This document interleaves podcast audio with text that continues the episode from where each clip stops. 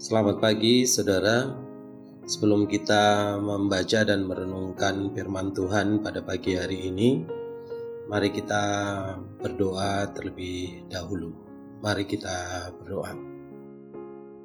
Bapa yang baik, Bapa yang kami sembah di dalam nama Tuhan Yesus Kristus, kembali pada pagi hari ini kami datang kepadamu. Kami berterima kasih untuk kekuatan, kesehatan yang Tuhan berikan senantiasa di dalam kehidupan kami. Pada pagi hari ini kami minta biarlah Engkau yang menyucikan dan menguduskan hati, pikiran, tubuh, jiwa, dan roh kami, dan melayakkan kami untuk kami dapat membaca dan merenungkan kebenaran firman-Mu. Dan kami siap membaca dan merenungkan kebenaran firman-Mu pada pagi hari ini. Dan dalam nama Tuhan Yesus Kristus, kami menyerahkan semua permohonan kami. Amin. Bapak, Ibu, dan saudara sekalian, pada pagi hari ini kita akan merenungkan satu bagian firman Tuhan yang terambil dari 2 Korintus 8 ayat 1 sampai dengan yang ke-7. Saya akan membacakannya bagi Bapak Ibu dan saudara-saudara sekalian Mari kita menyimak bersama apa yang dikatakan oleh firman Allah. 2 Korintus 8 ayat 1 sampai dengan yang ketujuh. Saudara-saudara, kami hendak memberitahukan kepada kamu tentang kasih karunia yang dianugerahkan kepada jemaat-jemaat di Makedonia. Selagi dicobai dengan berat dalam berbagai penderitaan, sukacita mereka meluap dan meskipun mereka sangat miskin, namun mereka kaya dalam kemurahan. Aku bersaksi bahwa mereka telah memberikan menurut kemampuan mereka, bahkan melampaui kemampuan mereka. Dengan kerelaan sendiri, mereka meminta dan mendesak kepada kami supaya mereka juga beroleh kasih karunia untuk mengambil bagian dalam pelayanan kepada orang-orang kudus. Mereka memberikan lebih banyak daripada yang kami harapkan. Mereka memberikan diri mereka pertama-tama kepada Allah, kemudian oleh karena kehendak Allah juga kepada kami. Sebab itu kami mendesak kepada Titus supaya ia mengunjungi kamu dan menyelesaikan pelayanan kasih itu sebagaimana ia telah memulainya. Maka sekarang sama seperti kamu kaya dalam segala sesuatu, dalam iman, dalam perkataan, dalam pengetahuan, kesungguhan untuk membantu dan dalam kasih terhadap kami, demikianlah juga hendaknya kamu kaya dalam pelayanan kasih ini. Bapak, Ibu, dan saudara-saudara sekalian, saat ini kita berada di bulan Juli. Kalau kita melihat beberapa bulan ke belakang ini, kurang lebih empat bulan terakhir, kita di Indonesia dilanda oleh virus corona. Sudah banyak korban yang berjatuhan.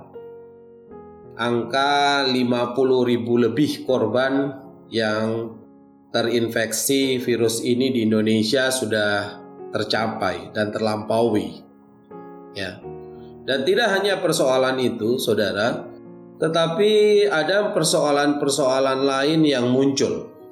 Ada persoalan sosial, ada persoalan ekonomi, dan bahkan terakhir seperti yang kita ketahui ada dilema yang besar di dalam di kalangan pemerintah apakah kita akan tetap melakukan uh, pembatasan sosial atau kita sudah boleh beraktivitas seperti biasa dengan protokoler kesehatan.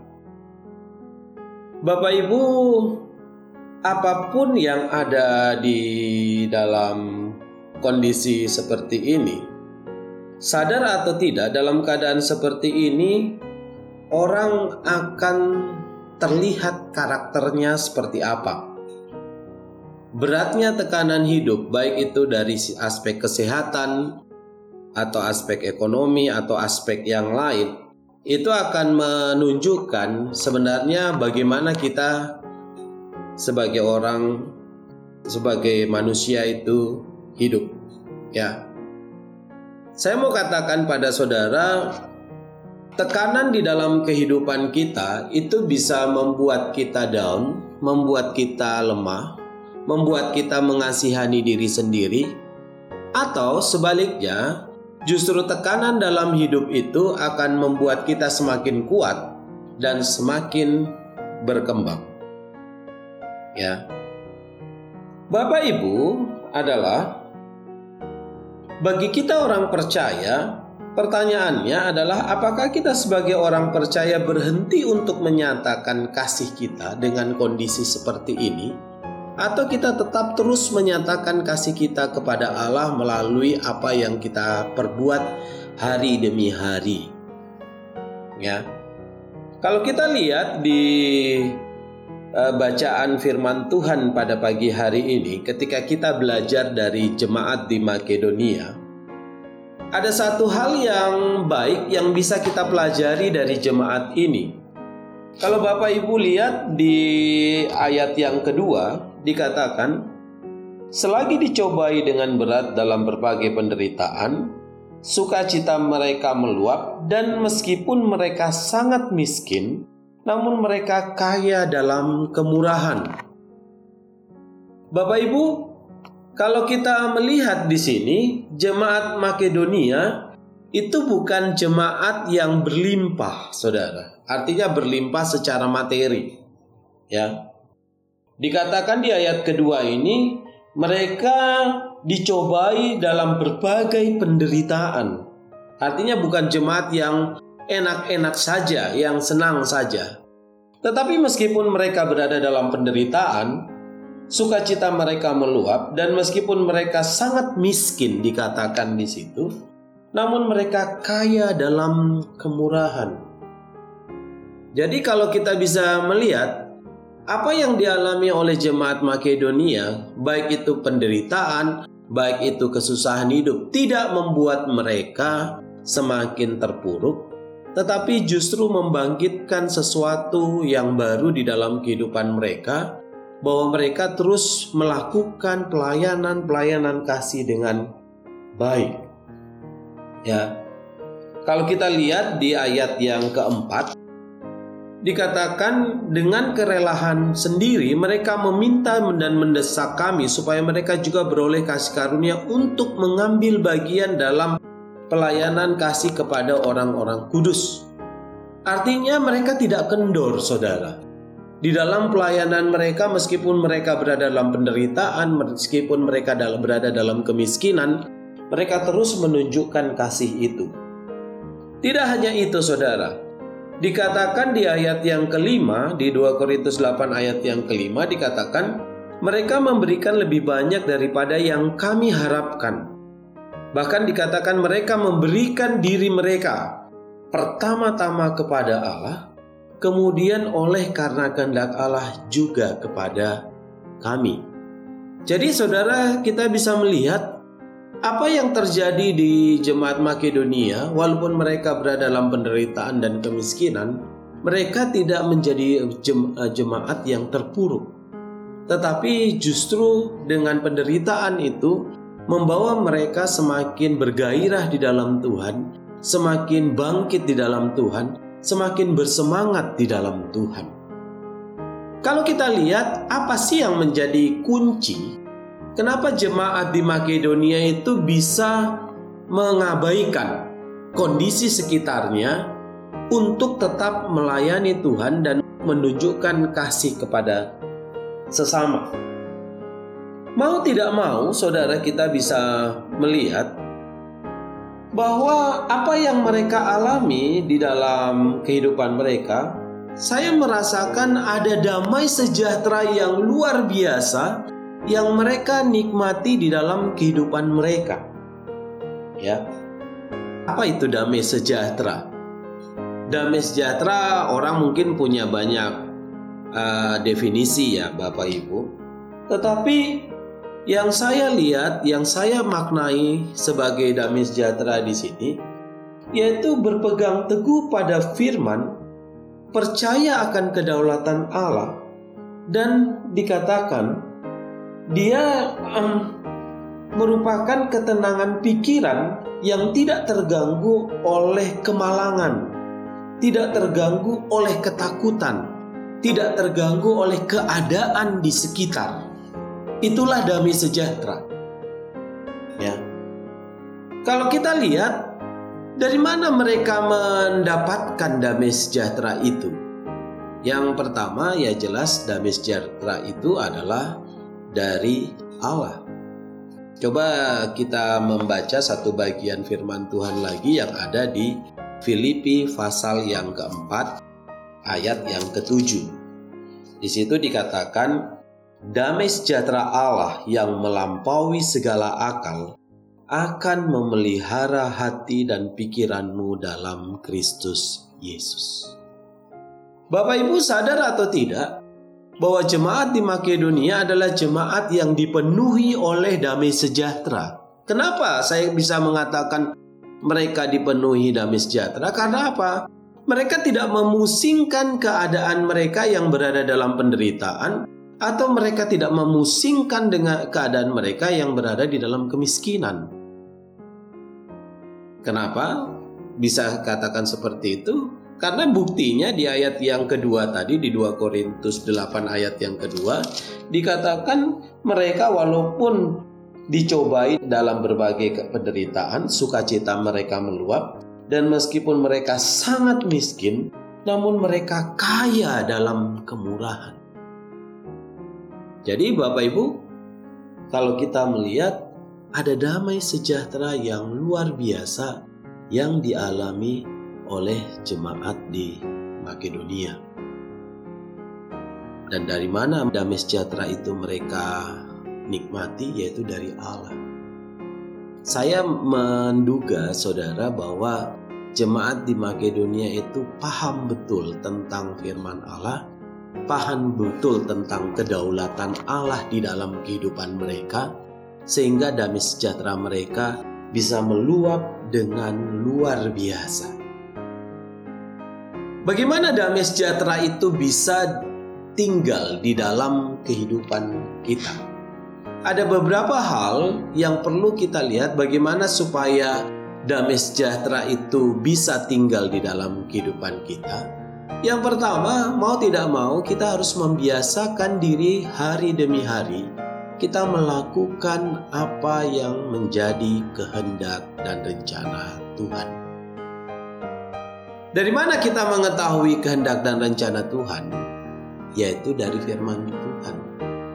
Oleh sebab itu, yang kedua, apabila saudara ingin agar damai sejahtera Allah tinggal di dalam kehidupan saudara, maka yang kedua adalah saudara harus senantiasa dekat dengan firman Tuhan senantiasa membaca firman Tuhan. Karena bagaimanapun firman Tuhan itulah yang akan membimbing, menuntun, dan menyertai kita di dalam segala aspek kehidupan kita. Jadi saudara, tidak ada hal yang lain bagi eh, dengan cara memperoleh damai sejahtera itu yaitu dengan cara kita dekat dengan Allah. Di Filipi 4 tadi dikatakan kalau di ayat yang ke-6 bahkan untuk memperoleh damai sejahtera itu kita harus berdoa kepada Allah. Di Filipi 4 ayat 6 dikatakan Janganlah kau hendaknya kamu khawatir tentang apa pun juga, tetapi nyatakanlah dalam segala hal keinginanmu kepada Allah dalam doa dan permohonan dengan ucapan syukur. Maka kemudian dikatakan di ayat yang ketujuh Filipi 4 ayat yang ketujuh damai sejahtera Allah yang melampaui segala akal akan memelihara hati dan pikiranmu dalam Kristus Yesus. Jadi saudara, yang bisa membuat kita teguh di dalam pergumulan-pergumulan hidup, di dalam tekanan-tekanan hidup adalah ketika damai sejahtera Allah itu tinggal di dalam hidup kita. Damai sejahtera itu bisa ada di dalam kehidupan kita kalau kita dekat dengan Allah, kalau kita memperhatikan firman-Nya, dan kalau kita punya hubungan yang baik dengan Allah dengan cara kita berkomunikasi, berdoa kepada Allah. Bapak Ibu, saya melihat Bapak Ibu ada beberapa orang yang ketika pandemi corona ini melanda, mereka lebih mengasihani diri sendiri, mereka menjadi orang yang sangat pelit, mereka menjadi orang yang sangat khawatir. Kenapa bisa seperti itu?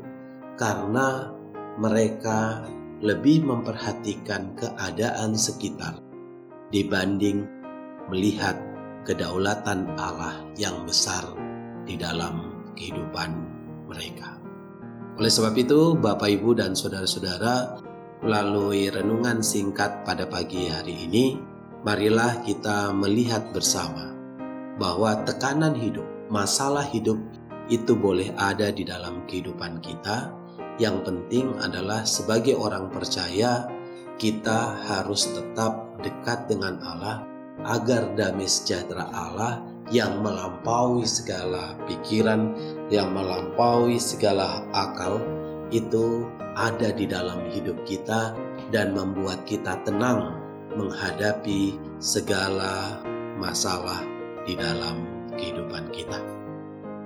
Kiranya damai sejahtera Allah itu senantiasa tinggal di dalam hati dan pikiran kita. Amin. Mari Bapak Ibu kita akhiri renungan pada pagi hari ini dengan kita berdoa. Bapak yang baik, Bapak yang kami sembah di dalam nama Tuhan Yesus Kristus, pada pagi hari ini kami datang kepadamu, kami berterima kasih untuk waktu dan kesempatan yang Tuhan berikan di dalam kehidupan kami, sehingga kami dapat membaca, merenungkan firman-Mu di dalam kehidupan kami. Kami memerlukan damai sejahtera dari Tuhan Yesus ketika kami menghadapi pergumulan-pergumulan dalam kehidupan ini. Tolong kami supaya kami senantiasa membiasakan diri dekat dengan Engkau, melakukan kehendak-Mu, membaca firman-Mu, dan berdoa, supaya senantiasa ada hubungan yang baik antara kami dengan Engkau Bapa, dan demikian juga ada damai sejahtera yang luar biasa yang melampaui segala hal itu ada di dalam kehidupan Tolong kami umatmu jemaatmu, kami tahu bahwa engkau tidak pernah menjanjikan akan melepaskan kami daripada masalah, tetapi engkau berjanji bahwa engkau akan menyertai kami ketika kami menghadapi pergumulan-pergumulan hidup ini. Terima kasih Tuhan untuk karyamu, untuk kebesaranmu, untuk kuasamu, dan untuk damai sejahteramu yang kau limpahkan di dalam kehidupan kami. Terima kasih Tuhan Yesus, dan dalam nama Tuhan Yesus Kristus, kami mau mengakhiri uh, pembacaan firman Tuhan dan renungan pada pagi hari ini hanya di dalam nama Tuhan Yesus Kristus. Amin. Terima kasih Bapak Ibu, selamat pagi, selamat beraktivitas kembali. Tuhan memberkati kita semua. Amin.